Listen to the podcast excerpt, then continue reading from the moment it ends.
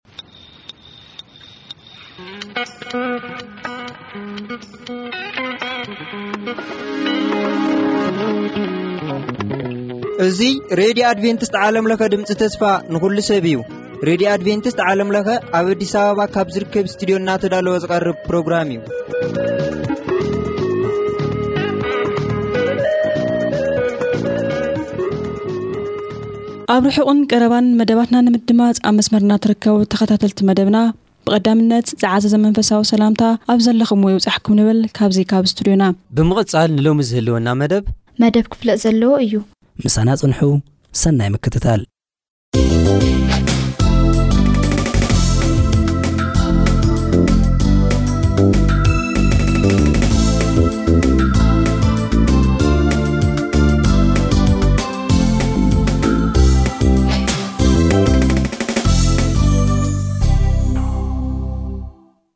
ሰላም ከመይ ትኾኑ ክቡራት ካልታትልቲ መደብና እዚ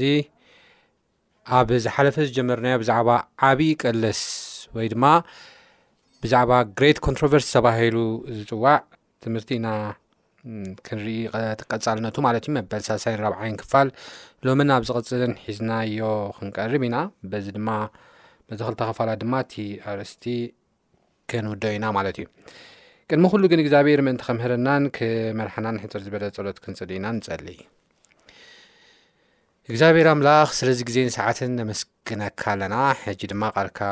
ከፊትና ኣለና እሞ ቃልካ ከነጽንዕ ስኻ ርድኣና ከም ምሕረትካ ከም ፍቓድካ ክንነብር ድማ ስኻ ሓግዘና ብጎይታና መድሓና የሱስ ክርስቶስ ስም ኣሜን እምበኣር ዓብዪ ቅልስ ብዝብል ኣርእስቲ ኢና ነርኣና ነበና ዓብዪ ቅልስ እንታይ እዩ ንምንታይ ከዓቢ ቅልስ ተባሂሉ ኣበይ እዩ ከተጀሚሩ መዓስ እዩኸ ዝውዳእ ዝብሉ ሕቶታት ብተደጋጋሚ ብቐሊሉ ክሕተቱ ዝግብኦም ሕቶታት እዮም። ዓብ ቕልስ ማለት ኣብ መንጎ ክርስቶስን ሰይጣንን ዝግበር ቅልስ እዩ። እዚ ቕልስ እዚ ዝተጀመረሉ ኣብ ሰማ እዩ። ናይዚ ቕልስ እዚ ምኽንያት ድማ እቲ ዘጽልል ኪሩብ ዝነበረ ሉሲፈር ወይ ድማ ከኾብ ጽባሕ ብመልክዑ ተዓብዩ ክስገደሉ ብምድላይ እዩ። ኣምላኽ ናይ ምዃን ድሌቱ ስለ ዘይሰመረሉ እዩ ናይቲ ቃልሲ ዋና ምክንያት ማለት እዩ ዓብ ቕልስ ዝተባህለሉ ዋና ምክንያት ዓለም ሙሉእ ዩኒቨርስ ሙሉእ ዘሳተፈ ቅልስ ምዃኑ እዩ ንሱ ጥራሕ ዘይኮነ ዘመናት ልዕሊ ዘመናት ድማ ኣሽሓት ዓመታት ዝወሰደ ቅልስ ምዃኑ እዩ ብርግፅ እዚ ዓበ ቅልስ ብዙሕ ዘሳተፈ ዩኒቨርስ መላእ ዩኒቨርስ ዘሳተፈ ቅልስ እኳ ተኾነ ንኣሽሓት ዓመታት እኳ ዝወሰደ ቅልስ ተኾነ ግን መወዳእታ ዘይግበረሉ ግን ኣይኮነን መወዳእታ ክግበረሉ እዩ ናይዚ መወዳእታ ቅልስ ከዓ ኣብ ራእይ መራፍ ዒስራ ዘሎ ሓሳብ ብምርኣይና ክንዛዝሞ ማለት እዩ ስለዚ ቅድሚ ናይ ሎሚ ኣርእስትና ምጅማርና ክንሪኦ ዝግባኣና ነገር ኣሎ እሱ ድማ እንታይ እዩ ኣብዚ ቅልስ እዚ ማእኸላይ ስፍራ ክኸውን እየ ዝብል ሰብ እንተሃልዩ ተጋጊ እዩ ምክንያቱ ኣብዚ ቅልስ እዚ ወይ ምስ ክርስቶስ ኮንካ ሰይጣን ምውጋ እዩ ወይ ምስ ሰይጣን ኮንካ ክርስቶስ ምውጋ እዩ ማእኸላይ ዝበሃል ስፍራ የለን ስለዚ ምስ መን እዩ ዝሕሸና ምስ መን ኢና ንመርጽ ዝብል ኣብ ሕድሕድ መዓልቲ ኣብ ሕድሕድ ጉዕዞና እንመርጾ ምርጫ እዩ ነዚ እዩ ኣብ ዝሓለፈ መደባትና እውን ከይናም ንሪእየሉ እዋን ህይወት ብምርጫ ዝተመልአት እያ ሕድሕድ ስጉምትና ከዓ ብምርጫ ዝተመልአ እዩ ስለዚ እቲ ንመርጾ ምርጫ ኣስተውዒልና ብምምራጽ ኣምላኽ ኣብ ሂወትና ክነኽብር ንሂወትና ዝጠቅምን ዘረብሕን ነገር ድማ ክንመርጽ ጻውዒትና እዩ። ናይዚ ኣገልግሎትና ዋና ምኽንያት እውን ምርጫና ኣብ ህይወት ከነስተኻኸል እዩ። ምናልባት ሓድሓደ ግዜ ሕማቕ ነገር ስለ ዘይገበሩ ኣብ ጽቡቕ ምርጫ ኣለኹ ኢሎም ዝሓስቡ ሰባት ኣለዉ እዮም። ነገር ግን ምርጫኻ ትኽክል ድዩ ትኽክል ኣይኮነን ብዝብል ኣበይ ከም ዘለኻ በቲ ዝመረጽካዮ ነገር ኣበይ ኮፍ ኢልካ ንመን ትዋጋእ ከም ዘለኻ ዘርእካ ሓደ ካርታ ኣሎ ንሱ ድማ መጽሓፍ ቅዱስ ይበሃል ስለዚ ብመጽሓፍ ቅዱስ መንጸር ኢኻ ንስኻ ኣበይ ተሰሊፍካ ተሰሊፍካ ድማ ንመን ትቃለስ ከም ዘለኻ ዘርእካ ማለት እዩ ብዙሓት ምስ ክርስቶስ ኢና እናበሉ ንክርስቶስ ኢና ነኽብር እናበሉ ምስ ክርስቶስ ኮይና ናይ ዲያብሎስ ስራሕ ኢና ከነፍርስ እናበሉ ብተጻራሪ ግን ናይ ክርስቶስ ተቓወምቲ ኮይኖም ምስ ሰይጣን ብምትሕብባር ከተዓናቕፉ ከለዉ እቲ ናይ ወንጌል ስራሕ እቲ ናይ እግዚኣብሄር ስራሕ ከተዓናቕፉ ከለዉ ኢና ንርኢ ስለዚ ብዙሕ ሰባት ከይፈለጡ ኣብ ጎኒ ሰይጣን ኮይኖም ብሃይማኖት እውን እናሃለዉ ኣብ ጎኒ ሰይጣን ኮይኖም ተሰሊፎም ኣምላኽ ዝሕዝኑ ውሕዳት ኣይኮኑን ኣይኮናን ማለት እዩ ስለዚ ተቐዳማይ ኣበይ ከም ዘለኹ ዝነግረኒ ወይ ድማ ዝሕበረ ነገር እንታይ እዩ እቲ መፅሓፍ ቅዱስ እዩ መፅሓፍ ቅዱስ ከነንብብ ክንከል ኣለ እቲ ሓቂ ተቐቢልና ከም ፍቓዱ ንነብር እተ ኮይና ኣብ ቅኑ ክርስቶስ ኢና እንተ ካብቲ መፅሓፍ ቅዱስ ወፃኢ እንተ ኮይና ግን ኣብ ጎኑ ሰይጣን ምዃና በዚ ከነረጋግፅ ንኽእል ኢና ክርስቶስ ካብ ዝበሎ ወፃኢ ካብ መፅሓፍ ቅዱስ ወፃኢ ንብል እተ ኮይና እዚ ናይ ሰይጣን ዶክትሪን እዩ እዚ ናይ ሰይጣን ትምህርቲ እዩ ሰይጣናዊ ቅዱስ ይምሰል ይቀባባእ ይሻላለም ካብ ሰይጣን እዩ ምክንያቱ ዩ ኣብ ዝሓለፈ ክንሪኦ ከለና ሲ ዲያብሎስ ሓሳዊ እዩ ንሓሶት ውን ኣቦዋ እዩ ዝብል ንሱ ክዛረብ ከሎ ካብ ርእሱ እዩ ዝዛረብ ፈጢሩ እዩ ዝዛረብ እዩ ዝብል ስለዚ ፈጢሩ ዝተዛረቦ ሰይጣን ዝፈጠሮ ትምህርቲ ከም ዝኾነ ካብ መፅሓፍ ቅዱስ ወፃኢ ዘሎ ትምህርትታት በዚ ከነረጋግፅ ንክልና ስለዚ ብጥንቃቐ ክንመላለሰሉ ዝግበኣና ነገር እዩ ማለት እዩ እምበኣር ናይ ዝቕልስ ዋና ጉዳዩ እንታይ እዩ? ዝብል ሓሳብ ኢና ንርኢ ማለት እዩ። እምበኣር ናይዚ ቕልስ ዋና ጉዳዩ ናይ እግዚኣብሔር መንግስትን ከምኡውን ሕጊ እግዚኣብሔርን እዩ። ኣብ ቀዳማ ዮሃንስ ምዕራፍ ሰለስተ ፍቕዲ ኣርባዕተ ከይድና ንሪእሉ እዋን ሓጢኣት ምፍራስ ሕጊ እዩ እግዚኣብሔር ከዓ ሕጊ ኣፍሪሶም ሓጢኣተኛታት ኮይኖም ሞት ንዝተፈርዶም ደቂ ሰባት ዕደኦም ከፊሉ እንደገና ብምእዛዝ ህይወት ክመላለሱ እንደገና ከም ፈቓዱ ክመላለሱ ዕድል ከም ዝሃቦም ደቂ ሰባት እዩ ዝነገረና ማለት እዩ ኣብዚ ነገር እዚ ክንርድኦ ዘለና ነገር ተሃለወ እንታይ እዩ እግዚኣብሄር ሓደ ወዲ ልኢኹ ናይ ሓጢኣት ዕዳና ክኸፍል ከሎ ክገብሮ ዝኽእለሉ መንገድታት ነይሩ እዩ ንኣብነት ከም ሰብ እኳ ክንሓስብ ከለና ምናልባት ሕጉ ዶ ኣወጊዱ ንምንታይ ደየድሕነና ንምንታይ ዝኩሉ ስቃይ ሰላሳን ሰለስተን ዓመት ዝኩሉ ፈተና ደድሕሪኡ ከዓ ብኣሰቃቂ ሞት ንምንታይ ይመውት ሕጉ ንምንታይ ደይቅይሮ ዝብሉ ዓይነት ኣሎ ሕጊ ባህሪ እግዚኣብሄር እዩ ኣሚልካስ ምዕራፍ ሰለስተ ፍቅዲ ሽዱሽተ ከዓ እግዚኣብሄር ኣነ እግዚኣብሄር ኣይልወጥን እየ እዩ ዝብል ስለዚ ሕጊ እግዚኣብሄር እውን ኣይልወጥን እዩ ስለዚ እግዚኣብሄር ንዓና ሓጢኣት ሰሪሕና ዝነበርና ሰባት ሕጉ ብምውጋድ ስርዓቱ ብምውጋድ ዘይኮነ ኣድሒንና ነገር ግን ሕጉ ዝሓቶ ሕቶ ብምምላስ ሕጉ እንታይ እዩ ዝሓትት ነይሩ? ንዚኦም ሓጢኣት ሰሪሖም እዮም፣ እዚኦም በዲሎም እዮም፣ እዚኦም ካብ ፍቓድ እግዚኣብሄር ወፂኦም እዮም ዝበሎም ሕጊ እንታይ ይብል ነይሩ? ክሞቱ ኣለዎም፣ ክጠፍኡ ኣለዎም፣ ምክንያቱ ዓስቢ ሓጢኣት ሞት እዩ፣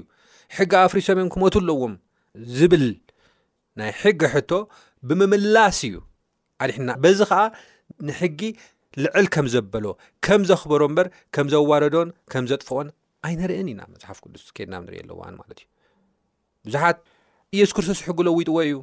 ሓድሽ ሕጊ ሂብና እዩ ይብሉ እዮም።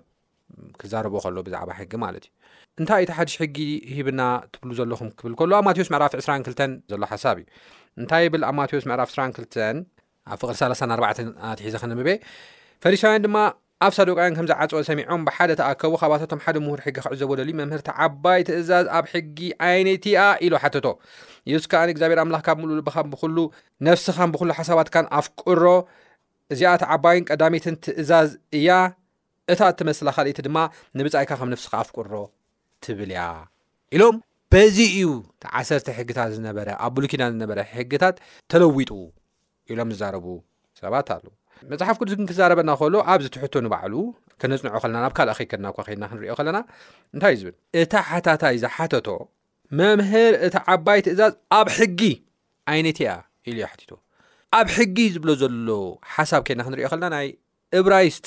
መጽሓፍ ናይ ብሉይ ኪዳን መጽሓፍ ኣብ ሰለስተ እዩ ዝኽፈል ነይሩ ቶራ ነቢም ኬቲቢም ብዝብል ናይ እብራይስጥ ቓላት እዮም ፈላልዮምዎም ነይሮም ቶራ ዝብልዎም እዘን ናይ ኦሪት መጽሓፍ ካብ ኦሪት ዘፍጥረት ክሳብ ኦሪት ዘዳግም ዘሎ ሓሳብ እየን ቶራ ማለት ድማ እዚኤን ናይ ሕጊ መጽሓፍቲ እየን ተባሂለን ዝተፈለያ እየን። ካብኡ ነቢም ዝበሃሉ ከዓ እዚ ናይ ነቢያት መፅሓፍቲ ነቢያት ዝፀሓፍዎ በዓል ኣሞፅ፣ በዓል ኢሳያስ፣ በዓል ኤርሚያስ ዝፀሓፍዎ እዩ። ኬቲቢም ዝበሃል ከዓ መፅሓፍቲ እዩ። ከም በዓል መፅሓፍ ኣሴር፣ መፅሓፍ እዝራ፣ መፅሓፍ እዮብ ዝኣመሳሰሉ ምሳሌ መዝሙር እዚኦም ብምሎም ኣብ ኬቲቢም እዮም ዝድርድርዎም ነይሮም ማለት እዩ። ስለዚ ኣብቲ ቶራ ዝበሃል ወይ ድማ ኣብቲ ሕጊ ዝበሃል መፅሓፍቲ እታ ዝዓበይት ሰኣይነቲኣ እዩ ዝብሎ ዘሎ እምበር ተለዊጡ ድዩ ተለዊጡ ይኮነን ኣይኮነን ትሕትኡ ነይሩ ናይቲ መምህሩ ሓጊ ማለት እዩ ትሕትኡ ናይ የሱስ ክርስቶስ መልሲ እውን ኣይ ተለዊጡ እዩ ኮሱ እሱ ኮ ተሪፉ እዩ ካልእ እኳ ሓድሽ ኣምፀ ኣይኮነን ነይሩ ካብ ሕጊ ካብተን ዝነበረ ኣብ ቶራ ተፃሓፈ ሕግታት እቲ ዓባይን እታ ቀዳመይትን ትእዛዝ ንእግዚኣብሔር ኣምላኽካ ብምሉእ ልብኻ፣ ብኹሉ ነፍስኻ፣ ብኹሉ ሓሳባትካ ኣፍቅሮ እያ ትብል ዝብል ሓሳብ ነጊርዎ። ስለዚ እዛ ትእዛዝ እዚኣ ብኻልእ ኣባህላ ኣብ ሕጊ ወይ ድማ ኣብቲ ቶራ ዝበሃል ናይ ብሉይ ኪዳን መጽሓፍ ኣላ እያ ማለት እዩ። ሓዳሽ ኣብ ሓድሽ ኪዳን ዝተዋህበት ዘይኮነሲ ኣብ ብሉይ ኪዳን እውን ኣላ እያ ማለት እዩ። ንሱ ድማ ኣብቲ ዋና እስራኤላውያን ኩሉ ግዜ ዝሽምድድዎ ዝነበሩ መጽሓፍ እያ ዘላ ኣብ ዘዳግም ምዕራፍ 6 ፍቅዲ 5 ዘዳግም ምዕራፍ 6 ካብ 4 ክሳብ 5 ንእስራኤላውያን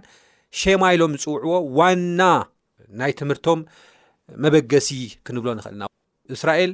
ስማዕ እግዚኣብሔር ኣምላኽና ሓደ ኣምላኽ እዩ ንእግዚኣብሔር ኣምላኽካ ከዓ ብምሉእ ልብኻ ብኩሉ ነፍስኻ ብኩሉ ሓሳባትካ ኣፍቅሮ ትብል ኣብ ዘዳግም ምዕራፍ ሽዱሽተ ፍቕዲ ሓሙሽተ ተጻሒፋ እያ ዘላ እምበር ኣብ ሓድሽ ኪዳን እተዋህበት ሓዳሽ ትእዛዝ ከም ዘይኮነ እዛ ትእዛዝ እዚኣ ዝነበረት ከም ዝኾነ እዩ ዝነግረና ንሱ ጥራሕ ኣይኮነን ድሓር እዚኣ እንታ ዓባይን እንታ ቀዳመይትን ትመስላ ትእዛዝ እያ እታ ትመስላ ካልእቲ ድማ ንምጻኢካ ንነፍስኻ ኣፍቅሮ ትብል እያ ስለዚ የሱስ ክርስቶስ ተለዊጡ ኢሉ ይጽሓፎን ኣብ ሕጊ ኣብቲ ቶራ ዝበሃል መፅሓፍ ኣብ ብሉ ኪዳን ካልእቲ ዓባይ ትእዛዝ ድማ እንታይ ኣያ ዝብል ዘሎ ንብፃይካ ከም ነፍስኻ ኣፍቅሮ ትብል እያ ኣብዚ ለውያን ምዕራፍ ዓሰርተ ትሽዓተ ፍቕዲ ዓሰርተ ሸሞንተ ንደቂ ህዝብኻ ሕነ ኣይትፍዳ ኣይትቀየምን ምስ በለ ንብጻይካ ከም ርእስኻ ደኣ ፍተዎ ኢሉ ኣብ ዘለውያን ምዕራፍ ዓሰርተ ትሽዓተ ፍቕዲ ዓሰርተ ሸሞንተ ኢና ንርኢ ዘለውያን ድማ ናይ ሕጊ መጽሓፍ እዩ ተውራ ካብ ዝበሃሉ መጽሓፍ እዩ ኣብዚ ሲ እተን ዓባይን እታ ንእሽተይን ዝበሃላ ወይ ድማ እታ ትመስላ ዝበሃላ ትእዛዝ እዚአን እየን ካብ ዝገርም ኣብዘን ክልተ ትእዛዝ እዚአን ብዘሎ ሕግን ነቢያትን ላኡ ዘሎ ብምሉእ ሓሳባት ዘጠቓለለ እዩ ኢሉ ክዛረብ ከሎ ኢና ንርኢ ስለዚ ኣብዚ ትእዛዝ እዚ ሓድሽ ትእዛዝ ዘይኮነሲ ኣብ ብሉ ኪዳን ዝነበረ ትእዛዝ ከም ዝኾነ ትእዛዝ ዩ ኢና ንርኢ ብዛዕባ እዚ ብተሓተተሉ እንዲያም ክዛረብ ከሎ ነቲ ሕጊ ኣብ ብሉ ኪዳን ዝነበረ ነዚ ሕጂ ዘንበብናዮ ሕጊ ኣብ ብሉ ኪዳን ዝነበረ ጉዳይ ከጣናኽሮ ከሎ ኢና ንርኢ እምበር ከፍርሶ ከሎ ንርእን ኢና ከፍርሶ ከሎ ንርእን ኢና ኣብ ዮሃንስ ወንጌል መዕራፍ 13 ፍቕዲ 14 ኸና ንርኢ ኣለዋን እውን ምስ ትእዛዝ ተተሓሒዙ ከም ዝብል ሓሳብ ኣሎ ንሕድሕድኩም ክትፋቐሩ ከምቲ ኣነ ዘፍቀርኩም ከምኡ ጌርኩም ነንሕድኩም ክትፋቐሩ ሓድሽ ትእዛዝ ዝህበኩም ኣለኹ ይብል ሓድሽ ትእዛዝ ዝህበኩም ኣለኹ ክብል ከሎ ቀደም ንብፃይካ ኣፍቅሮ እዩ ነይሩ ንብፃይካ ከም ነፍስኻ ጌርካ ከም ርእስኻ ጌርካ ኣፍቅሮ እዩ ዝብል ነይሩ ሕጂ ግና እቲ ንብፃይካ ከም ርእስኻ ጌርካ ኣፍቅሮ ዝብል ዝነበረ ከምቲ ኣነ ዘፍቀርኩኻ ጌርካ ኣፍቅሮ ኢሉ ሓድሽ ከም ዝገበሮ ከም ርእስኻ ጌርካ ኣይኮንካን ተፍቅሮ ኣነ ከም ዘፍቅርኩኻ ጌርካ ኣፍቅሮ ክብል ከሎ የሱስ ክርስቶስ ኢና ንርኢ ስለዚ እዚ እቲ ሕጊ ተኣሽሙ ክንገብሮ ከሎ ኢና ንርኢ ማለት እዩ ስለዚ ናብታ ማቴዎስ ምዕራፍ ስራን ክልተን ክመለሱ እሞ እቲ ኩሉ ሕግን ነቢያትን ብምሉእ ኣብዚ እዩ ተሰቂሉ ዘሎ ኣብ ዘን ክልተ ትእዛዛት እዩ ተሰቂሉ ዘሎ ክንብል ከለና እንታይ ማለትና እዩ ኣብ ሲና ዝተዋህበ ዓሰርተ ትእዛዛት ኣሎ ብናይ እግዚኣብሄር ኣፃብዕቲ ዝተፃሓፈ እንደገና ኣብ ውሽጢ ታቦት ዝቕመጥ ዝነበረ ባህሪ እግዚኣብሄር ዘርኢ ብክልተ ጽላት ተዋህበ ሕጊ እዩ ኣብ ዘጻት ምዕራፍ 19 ከምኡ ንዒስራን ኬድና ንሪኦ ኣለዋ ኣብዚ ሓሳብ እዚ ኸይና ንሪኦ ኣለዋን እዚ ትእዛዝ እዚ ኣብ ውሽጢ ታቦት ምቕማጡ በላይ እግዚኣብሔር ኣጻብዕት ምጽሓፉ ኬና ንሪኦ ኣለዋን ብዙሕ ነገራት ዘርእየና ነገር ኣሎ። ሓደ፣ ካብቲ ብሙሴ ኢድ ዝተጻሕፈ፣ ኣብ ሜዳ ዝተዋህበ ብሙሴ ኢድ ዝተጻሕፈ ስርዓት ይፍለ እዩ። ምክንያቱ እቲ ብሙሴ ኢድ ዝተጻሕፈ ስርዓት ኣብ ጎኒ እቲ ታቦት እምበር ኣብ ውሽጢ ታቦት ኣይኮነን ዝቕመጽ ነይሩ። ነዚ መረጋገጺ ኣብ ዘዳግም ምዕራፍ 31 ዘሎ ሓሳብ ከንብበልኩም እደሊ። ልዕል ኢለ ከንብብ እየ። ዘዳግም ሰላሳን ሓደን ካብ ዕስራን ኣርባዕተን ኣትሒዘ ከንብብ እየ ኮነ ድማ ሙሴ ቃላት እዚ ሕጊ እዚ ኣብ መጽሓፍ ጽሒፉ ምስ ወደአ ይብል መን እዩ ጽሒፍዎ ሙሴ ክደግማ እየ እንደገና ብደንቢ ክተስተውዕልዋ ኮነ ድማ ሙሴ ሙሴ እዩ ዝብለኩም ዘለኹ ቃላት እዚ ሕጊ እዚ ኣብ መጽሓፍ ጽሒፉ ምስ ወደአ ሙሴ እዩ ጽሒፍዎ ሙሴ ነቶም ታቦት ኪዳን እግዚኣብሔር ዝጾሩ ሌዋውያን ከምዚ ኢሉ ኣዘዞም። ነዚ መጽሓፍ እዚ ውሰዱ እሞ ኣብ ጎቦ ታቦት ኪዳን እግዚኣብሄር ኣምላኽኩም ኣንብርዎ ኣብኡ ኮይኑ ንምስክር ይኹንካ ይብል ስለዚ ኣብ ጎቦ እዩ ዝቕመጥ ነይሩ ካብቲ ዓሰርተ ትእዛዛት ብናይ እግዚኣብሄር ኢት ዝተጻሓፈ ኣብ እምኒ ተጻሓፈ እቲ ኣብ ስክሮል እዩ ተጻሒፉ ኣብ ወረቐት እዩ ተጻሒፉ ስክሮል ዝበሃል ጥቅል ዝበሃል መፅሓፍ ነይሩ ኣብኡ እዩ ተጻሒፉ እዚ ንዓሰርተ ትእዛዛት ግን ኣብ እምኒ ተጻሒፉ ብኢድ እግዚኣብሄር እውን እዩ ተጻሒፉ ኣብ ውሽጢ ታቦት እውን እዩ ዝቕመጥ ነይሩ እዚ ብሙሴ እተጻሕፈ ግን ብወረ ብጥቕልል መጽሓፍ እዩ ተጻሒፉ ካብዚ ተወሳኺ ከኣ ኣብ ጎቦ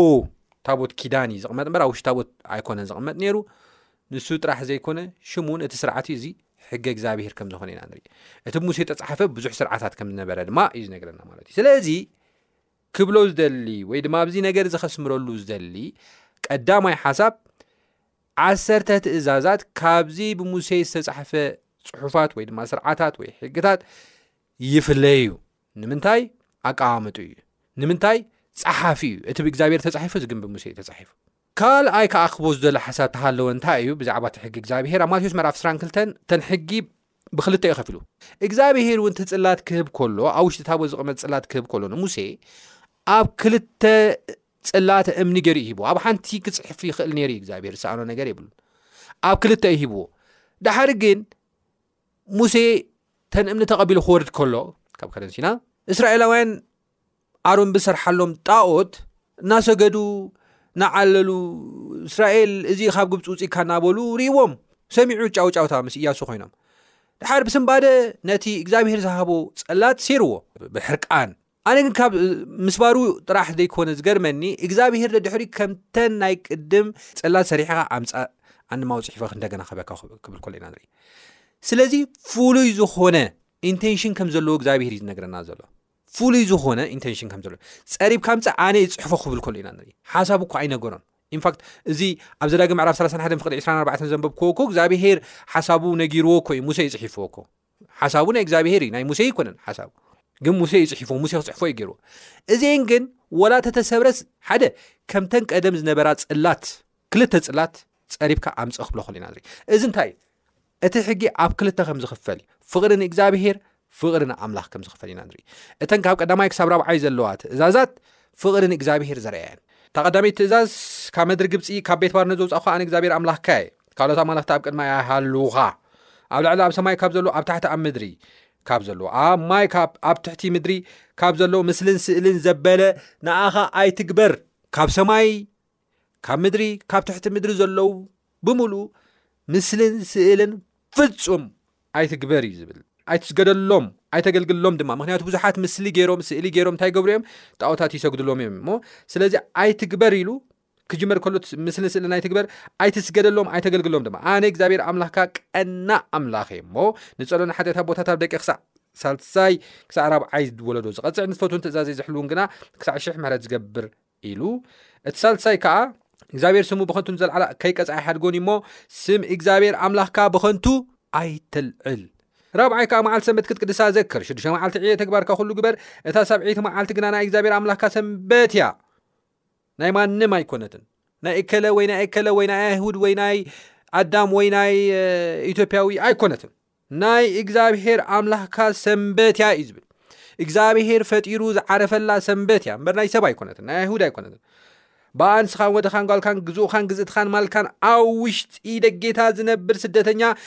ገለ ዕዮ እኳ ኣይትዕየዩ እግዚኣብሔር ብሽዱሽተ መዓልቲ ሰማይን ምድርን ባሕርን ኣባታቶም ዘለዎ ኩሉን ገይሩ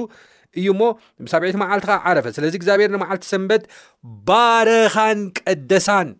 ይብል ኣብዚ ሓሳብ እዚ ከድና ንሪኦ ኣሉዋን ስለዚ እዘን ኣርባዕተ ትእዛዛት ከድና ንሪኦ ኣሉዋን እግዚኣብሔር ኣምላኽካ ብምሉእ ልብኻን ብኩሉ ሓሳብካን ብኩሉ እንትናኻን ኣፍቅሮ ዝብል ዝሓዛ ዘጠቓለላ እየን እግዚኣብሔር ተፍቅሮ እንተደኣ ኮንካ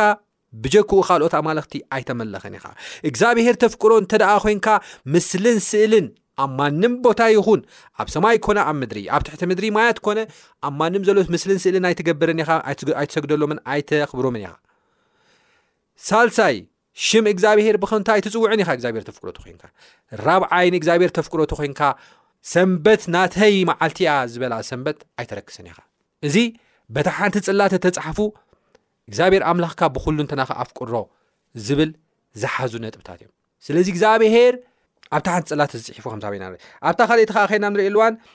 ኣብቲ እግዚኣብሔር ዝሃበካ ምድሪ ዕድሜኻ ምእንቲ ክነውሕሲ ኣቦኻን ኣዴኻን ኣኽብር ኣይትቕተል ኣይትዘሙ ኣይትስረቕ ኣብ ብፃይካ ብሓሶት ኣይትመስክር ዓስራይ ከዓ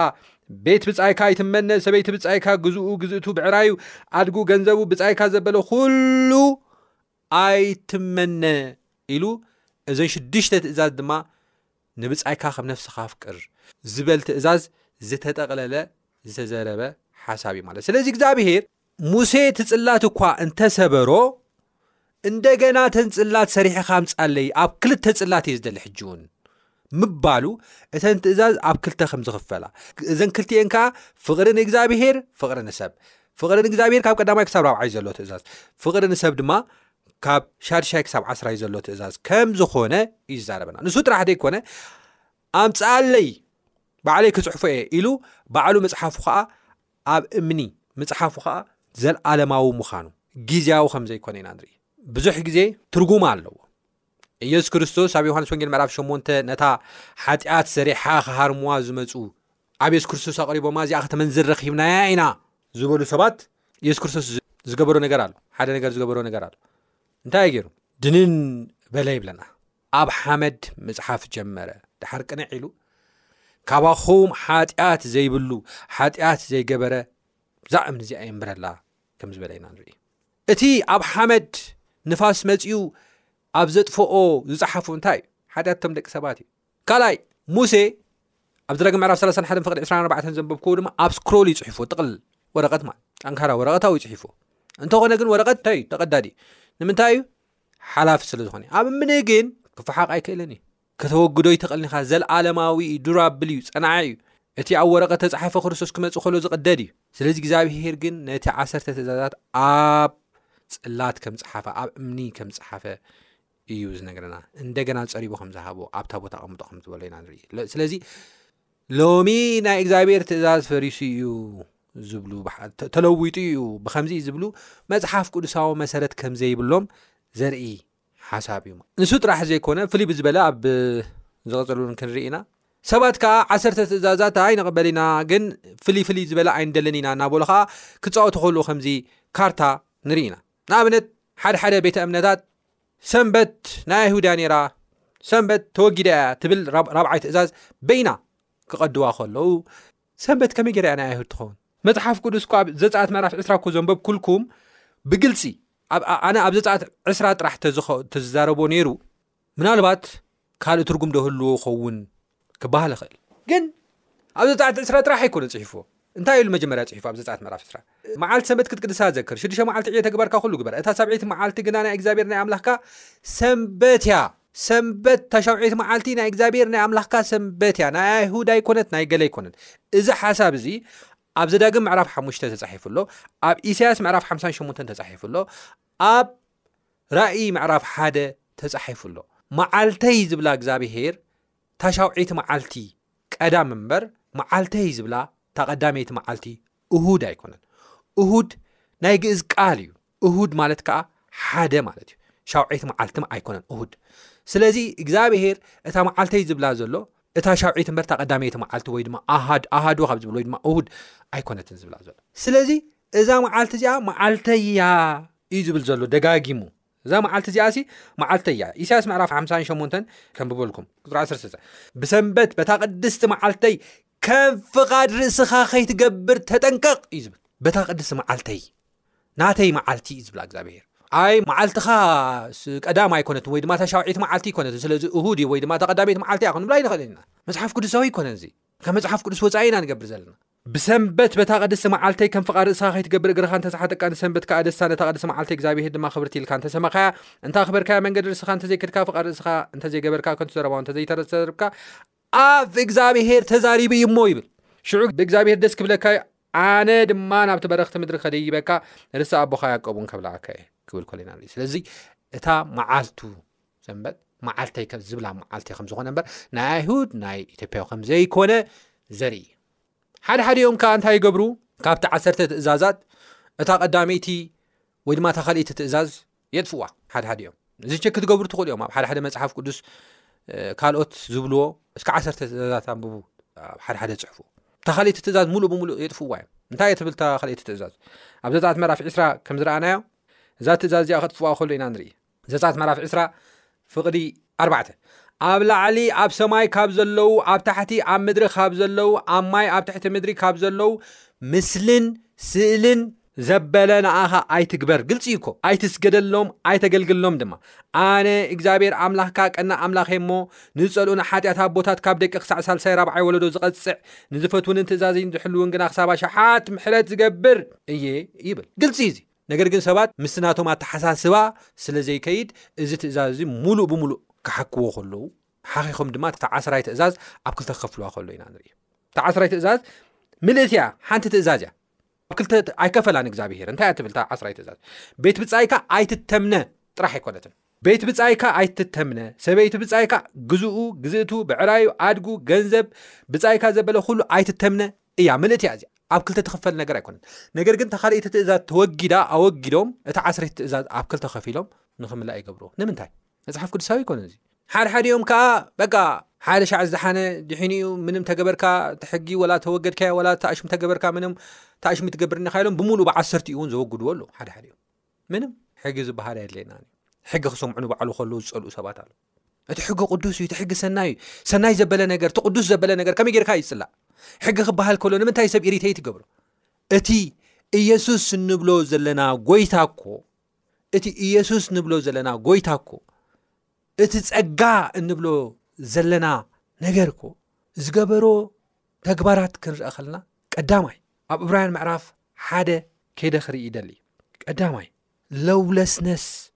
ስርዓት ኣልበኝነት ሕጊ ኣልቦነት ከጥፍእ እዩ መፅዩ ፀሊኡ እዩ መፅዩ